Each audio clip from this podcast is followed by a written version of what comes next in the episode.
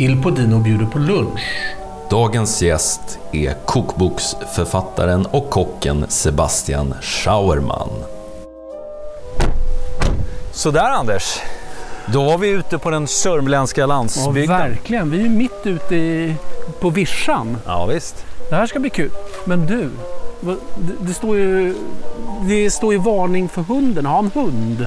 Ja, visst. Han har två stycken hundar. Nej, men jag, vad är det för hundar då? Ja, det är såna här eh, stora svarta vakthundar. Nej, men jag gillar, Jonas, jag gillar ju inte hundar. Jag tycker det är lite, jag gillar inte hundar. Ja, men det, det är kroppsspråk. Hundarna går på kroppsspråk. Du visar inte att du är rädd, för eh, då, då, då, då hugger de direkt. va? Fy Det här ska nog gå bra. Nej. Ja, Backa, backa. Det är ingen fara här, vet du. Du är trygg med mig här. Väldigt vad de låter. Ja, det var läskigt. Vad är det för hundar? Det är såna här dobermann pinscher, tyska, stora, svarta. Ja men tjena! Hej, Sebastian, hej! välkommen, Jonas ursäkta. heter jag. Jävlar, vad är det där för hundar? Ursäkta. De är inte farliga. Nej, det säger ni alla. Ja men vad kul att få komma hit. Ja, verkligen. Ja, välkomna. Anders eh, är lite, han ser lite blek ut. Han är inte alltid sådär blek. Nej, men de är inte Det är det farliga. här med hundar, vet du. Jag är inte... Bara du står stilla och inte springer så är det ingen fara. Okej. Ja, vi går in då. Ja, vi går in. In i köket. Cara, dimmi che mi vuoi bene, come sai dirlo tu. Boccuccia di rosa. Ja, då är vi här hos Sebastian Schauerman. Du, de där hundarna, är det, är det jakthundar eller? Nej för fan, det går inte att ha dem som jakthundar. De släpper man dem lös går de springer de fatt och dödar bara. Död. Du ser lite skärrad ut. Ja, men ja, det är lite läbbigt med hundar sådär. Ja. Men Men i alla fall, vi sitter här i... Vi har passerat... Vi lyckas eh, passera eh, den första spärren i form av dina vakthundar. Ja. Och sitter nu i köket hemma hos Sebastian Schauerman. Ja. Berätta, vem, vem, vem är du egentligen? Eh, Jag är kock, 48 år. Jobbat eh, som eh, kock i 30 år. Oj, oj, oj. På lite olika restauranger. Numera, sen 20 år tillbaka så är jag också kokboksförfattare. Eh, Jag har eh, idag Taco Taco som är en vegansk snabbmatskedja. Och se, syns ibland i TV. Ja, just det. Ja, Jag glömmer rätt bort det där. Men eh, i lite Nyhetsmorgon brukar jag vara och laga lite mat på morgnarna. fräscht. Ja, men du, du ser ju eh, vältränad och biffig ut och eh, tatuerad och två livsfarliga dobermanns. Är du liksom en typisk machokock? Nej, jag tror inte att jag är det faktiskt. Skenet bedrar lite Ja, skenet bedrar. Jag är nog ganska snäll, men jag är jäkligt petig så att jag är nog jobbig ändå. Men eh, jag är inte den här macho köksmästaren som... P- PT. Jonas tycker jag är petig som fan när vi håller på. Du är inte så macho. Nej, men, men petig. Ja. Ja, men jag är resultatinriktad i allt, så att det är viktigt att det som går ut är bra. Alltså för, för kockyrket, eh, anledningen till att jag liksom börjar prata om det här eh, lite macho, det är kanske inte dina tatueringar så, men, men just, just kockyrket har ju lite så här, det har en aura kring sig att vara riktigt eh, hårda killar som är tuffa mot de anställda i köket. Var, varför, varför har det blivit så tror du? Ja, men det, det, din, din eh, analys stämmer nog. Alltså det, är- uttrycket är så. Det är säkert så i många krogar också idag. Men det härstammar nog från här tyska och franska importen på 70 och 80-talet. När det kom mycket kockar. Då var det den här penalismen. Och det var många köksmästare som var tyska. Jag har jobbat för en tysk Ja. köksmästare. Det tror jag alla och skriker. Ja, men så var det när jag började. Men nu tycker jag det har förändrats ganska mycket. Jag stod och skar pyttipanna och sa han gästerna kommer att spy för fan, du skär den förstört. Ja, men det, det där har jag också upplevt. Att man har stått och gjort en uppgift och sen så har de bara kastat det och, och förnedrat den. Och Ja. Just den där sortens penalismen, den gillade inte jag. Och jag bestämde mig att om jag någonsin får bestämma Det hade jag sett fram emot lite grann när jag skulle bli vuxen. Att jag också skulle få stå Du där får och... ge igen. Ja, och jag gör ju en... Jag, lite gör jag det med dig, men inte sådär jättemycket. Inte som det var då. Non partir, non partir. Sei chiusa nel mio cuore, lo sento. Men hur tror du att dina anställda då? För du har ganska många anställda idag. Ja. Hur upplever de dig som Eh, chef? när jag stod inne i köket så tyckte de nog att jag var jävligt jobbig för att jag var petig och kontrollerade mycket. Det, det är min upplevelse av det. Men jag tror att de tyckte att jag var ganska schysst. Eh, idag så har jag andra som gör det här åt mig. Nu är jag liksom företagsledare mera. Så att eh, allt, alla order går genom mina chefer egentligen. Mm. Jag tänker i, i, liksom, i andra företag, moderna företag, då är det väldigt mycket att alla anställda ska på något sätt utvecklas och i varje fall säger man det och man ska ta fram kreativiteten. Hur gör man det i ett restaurangkök? Nej, men det är, man, man låter folk få stiga i hierarkin allt eftersom de blir bättre. Det är en bransch där det är ganska stor omsättning på folk så oftast så rekryterar man internt och så var det ju för mig också. Jag började ju som kock och sen som souschef och sen som köksmästare. Så det är så det Och det är funkar. ju inte för inte att det måste ju finnas hierarki i ett kök. För jag menar, det smäller ju till i ett restaurangkök. Skulle det inte, skulle alla vara stå och puttinutta bara, då, då, då skulle det ju inte funka. Nej, men det är väldigt viktigt med liksom team, eh, teamkänslan och eh, med tydliga ledarroller och så. Ja. Alla kan inte bestämma utan det måste vara kökschefen som då står för maträtten eller står med sitt namn inför gästen måste liksom kunna stå för rätten och då måste alla jobba ute, ute efter det målet. Även om du kanske tycker att det här är dumt så, så måste du... du Då är liksom det bara som lyda det. Thomas Ledin säger, gilla läget. Ja, verkligen. Ditt eget matintresse då? Du har eh, drivit krogar och du har en eh, matkedja idag. Du skriver kokböcker. Vad, vad, hur, hur och när föddes det? Var det hemma i, i köket hos Ja. mamma och pappa? Ja, jag tror att det var hemma hos mamma då. Vi, mina föräldrar är skilda så att vi i det här radhusköket i förorten så stod min mamma och lagade vegetarisk mat varje dag och det var middag vid bordet. Vi var tvungna att sitta ner och äta och prata om dagen och sådär. Och eh, många gånger var jag intresserad av att hjälpa till och sådär. Och vegetarisk mat säger du, det är det du håller på med nu. Det, Ja, det, det, tagit- den är ju vegetarisk, din matkedja. Ja, precis. Den är vegan. Vega, och vegansk Jag har tagit det ett steg längre i och med att det är lite mer inkluderande tycker jag. För då får man med sig alla. Ja. Är det vegetariskt utesluter det 5-6% som är veganer också. Så jag tycker det är mycket bättre. Just det. Så eh, om man nu vore lite så freudiansk i sin analys så skulle man tänka att det här är liksom ditt sätt att, att eh, på gamla dagar eh, dig din mamma.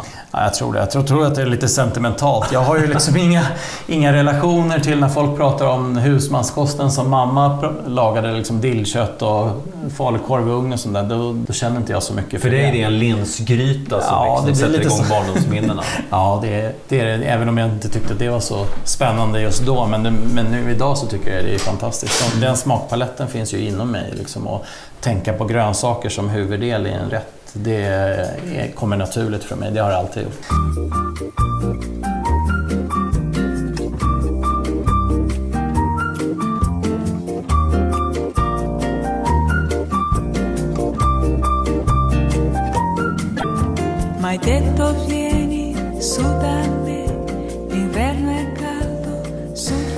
Om, om ni lyssnare nu tycker att det är liksom lite stökigt och slamrar och så, så står det, in, det beror inte på att vi står i ett kök. Det är den där mord, mordmaskinen som Ja, det, springer det är omkring. de här hundarna som springer omkring fram och tillbaka. Ja. Lugn, lugn, lugn Anders, du måste, det är kroppsspråket han går på. Ja. Ja. Jag tror han vill leka nu. Ja, han vill leka. Men du, jag måste bara få fråga. Det här är ju en italiensk matpodd och du har ett lite eh, tyskklingande namn. Schauermann. Är det så att du är tyroler-tysk? Tyrolen ligger i Österrike och därifrån är vi ju. Eh, Min pappa kommer från Wien. Och, Har du inte researchat ordentligt Jonas? Ja, men alltså Tyrolen, det är ju olika begrepp. Du som, ligger även brukar i gå Italien. till, du som brukar gå till de gamla urkunderna, Ja. till, till vad är det? Till, till stadsbiblioteket? Nej, vad är det? Kungliga... Skit i det nu. Nu, nu, nu pratar vi med Sebastian. Ja. Ja, vad, din familj, var kommer den ifrån? Eh, mamma är från Stockholm. Eh, pappa är från Wien. Jaha. Och eh, Schauerman-släktet, eller efternamnet, det härstammar från Schwarzwald och eh, ner mot Italien där. Och det var ju, Ja, men du Ja, men ser! Du ser ju. Ja, men det var ju ett, Han är klart kvalificerad Jonas. det var ett stort kejsardöme. Så att, eh, då, då räckte sig österrikiska kejsardömet ända ner till Venedig faktiskt Jaha. ett tag. Så att, Ja, men eh, det- det, det finns kopplingar där. Ja. Har du någon liksom tydlig relation till just det italienska köket? Ja, absolut. Vi är ju där fyra gånger om året i Italien. Min fru jobbar i Italien med eh, skor. Så att vi, hon har några fabriker. Scarpe. Ja, ja, Scarpe Diem. Mm, Scarpe Diem, just det. Så att vi är mycket där nere och sen har vi våra bästa vänner i Ravenna som vi besöker väldigt ofta. Var ligger Ravenna? Det ligger 45 minuter söder om Bologna.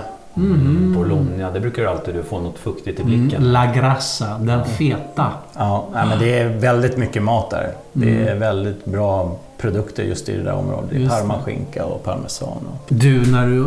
Parmaskinka och parmesan, nu börjar jag bli lite hungrig. Ska vi inte laga lite käk?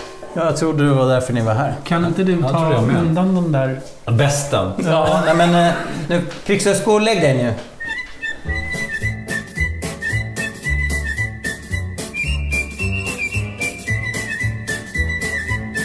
Stai sempre accanto, puntata a camminare sta via. Non mangi più, non dormi più, che poco indria. Då så! Då har du stekt dina små kantareller och, jag, och vi har grillat på lite bröd, eller smörstekt lite bröd. Nej, du har haft olivolja. Ja, det har vi haft. Fan vad dum jag är. Smör, det äter vi inte. Nej, nej, det är, olivolja. Vi har stekt brödet i olivolja, har vi gjort. Och nu ska vi eh, dela de här brödskivorna på mitten så här. Och lägga upp på tallrikar. Och sen ska vi dra på eh, våra toppings, tänkte jag. Om du ansvarar för din topping så ansvarar Okej. jag för min topping. Ja, ja, visst. Och jag tittar på. Ja, som vanligt. Men då gör vi en av varje där. Så man får en kantarell och Ja, en, jag eh, tänkte, jag tänkte det. och en eh, din bönorna där. Ja. Men du, jag tänkte Sebastian, vi pratade om det här med innovationer i köket tidigare och så. Ja. Vilken är din bästa innovation? Oj. Vad är ens egen innovation? Det är så svårt att säga tycker jag. Jag tror att man, man blir inspirerad av många saker, sen gör man sin egen variant. Men någonting som jag körde mycket Ska du uppfatta det här som att du inte har varit så innovativ i köket? Jo, men jag har nog varit för innovativ så jag kan nog inte nämna en. Men någonting som har varit väldigt, eller som var väldigt populärt som jag gjorde med förra boken, om jag skulle gå till den då. Det har ju varit, då gjorde jag en baconmarmelad som blev väldigt efterapad. Eh, men snackar vi veganskt så, eh, jag har ju gjort eh, indiska tacos. Alltså jag gör tacos med indiska röror eller med koreanska röror. och sådär. Så det är lite en in- innovation, men jag kan inte säga att jag har tagit patent på det. Utan det Baconmarmelad? det ju- Taco en guacamole. ja, precis. Men baconmarmelad, det låter ju väldigt eh, funky. Ja, men det är, det är otroligt gott. Man gör den på lönsirap som passar väldigt bra med bacon. Ja. Eh, man har lite kaffe, lite lök och kokar ner det där tills det blir till en marmelad. Och sen så, någon syra brukar ha lite balsamico i. Så Och vad har man den till? Ja, men du kan ha det på en, på en toast bara eller du kan ha det i en hamburgare eller någonting sånt där. Wow. Nu, nu blir alla veganer ledsna här när vi skulle prata veganmat så pratar jag bacon. Men Ja. jag vet att alla veganer, det de saknar mest, det är bacon. Ja, okej. Så att man skulle kunna säga om en vegan eh, liksom måste ta ett återfall, då, då kan man rekommendera din eh, baconmarmelad. Verkligen, det tycker jag. Alltså jag vaknade på morgonen hade inte en tanke på, så helt plötsligt stod jag där med en fläskbit. Visste inte hur det gick till. Nej, exakt. Men du, eh, gillar du smoky bacon eller gillar du pancetta som är saltad och hängd? Eh, Jag gillar nog det, liksom, det rökiga lite mera, men jag gillar pancetta också. I en carbonara så, så skulle jag inte göra någonting annat. Nej, det ska inte göras på pancetta, det ska göras på guanciale. Ja, på kinden där. Just. Men det beror lite var man är. I, I Marquez så har jag ätit mycket carbonara som är gjord på salsiccia. Så att det, det, det känns som att liksom, det finns inget rätt och fel. Liksom, men så här gör vi här. Och, Ja. och de är ju väldigt... eh, Jag kan inte räkna. Jo, jag kan räkna. Ja, Titta. men vi äter vi tre så får Malin äta sen. Och sen så skvätter vi på lite, lite, lite så här citron på toppen så här. Men du har liksom fångat vad jag gillar. Det här är ju så rustico det bara kan bli. Mm, eller hur? Det här är ett ord som jag gärna använder. Ja. Det ska vara liksom bondigt. Ja, vad spännande. Mm. Eh, fantastiskt ut. sist jag och Anders lagade mat, då, då lagade vi också svamp, men, men den handhades på ett helt annat sätt. Ja. Olika tekniker för att nå till eh, fantastiska resultat, fast på helt olika sätt så att säga. Ja. Ja, det finns ju många sätt att göra. Jag tycker oftast att italienarna har liksom sitt eget sätt som ingen annan har. Nej. Men man blir, man blir faktiskt förvånad och de har en teori också. Men nu har vi bara stekt de här rakt upp och ner. Ja. och du har ju gjort din. Vi provar då. Ja. Smaklig lunch. ja, nu får jag min egen först. Det kanske var skönt. Ja. Ego. Men jag provar min egen. tycker det är lite roligt med dig Sebastian att du liksom...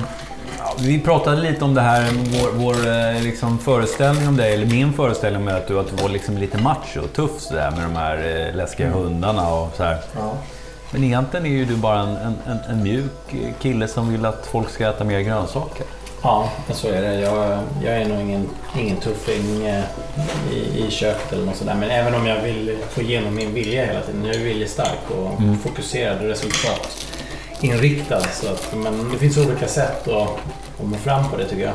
Jag tycker oftast den här diplomatiska vägen att få mina anställda att tro att, att de har varit med och bestämt fast de inte har det. Det är bra. Det är ett väldigt bra, Det är bra. bra sätt. Jag kanske är lite manipulativ då.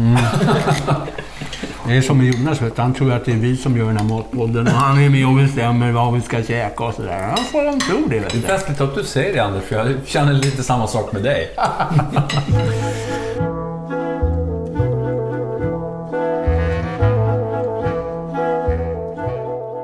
Vad gott det var med de här... Ja, det här var väldigt gott. Det, båda grejerna var helt fantastiska. En tydlig smak av, av, av kantarell. Och det- liksom tuggmotstånd. Lite härligt gummiartade. Jag gillar faktiskt när, när det inte har regnat för mycket för då blir de så här lite torra när man plockar dem. De blir inte så vattniga. Ja, Då är de mycket mer koncentrerade i smak. Det är som, som ett bra vin. som de får. Man skämmer bort ett vin, det blir inget gott. Utan de ska få jobba hårt. Då ska ha är det det lite tufft. tufft, då blir det liksom bra. Du, eh, för att, för att på något sätt sy ihop det här så undrar jag. Jag, eh, jag jobbar ju väldigt mycket med metaforer i, min, i mitt kreativa uttryck. Jag tänkte, om jag ställer frågan till dig. Om du vore en italiensk maträtt, vilken skulle det då vara? Alltså jag hade ju en tanke en gång om att jag skulle tatuera mig på andra armen och då skulle det vara en aubergine och en tomat och en basilika för det tycker jag liksom är... Det är de... Det är liksom syskon som gifter sig väldigt bra. Ja, syskon som gifter sig. Ja, ursäkta. Det blev så Oj, nu blir det Det lite konstig stämning i köket här. Oh. Ja, okej. men det är tre ingredienser som är liksom ämmade för varandra tycker Ja. jag. Så melanzane parmigiana är väl den italienska maträtten som representerar mig, min egen smak väldigt mycket. Mm, det är fantastiskt gott. Su- super umami kan man säga och inget kött eller någonting.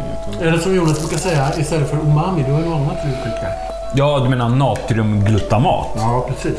Ja, men det är ju faktiskt umami på steroider. Så att, eh, Mm. Men eh, vi eh, tackar så jättemycket för att vi fick komma hit och besöka dig och Ja. höra om hur du lagar mat. Ja, det var- superhärligt. Är du snäll och bara plockar in hundarna så, innan vi går sen så att vi kan... Få fri lejd ut genom Ja. ditt hus. ja, det är bäst att jag låser in dem då. då. Mm. Ja.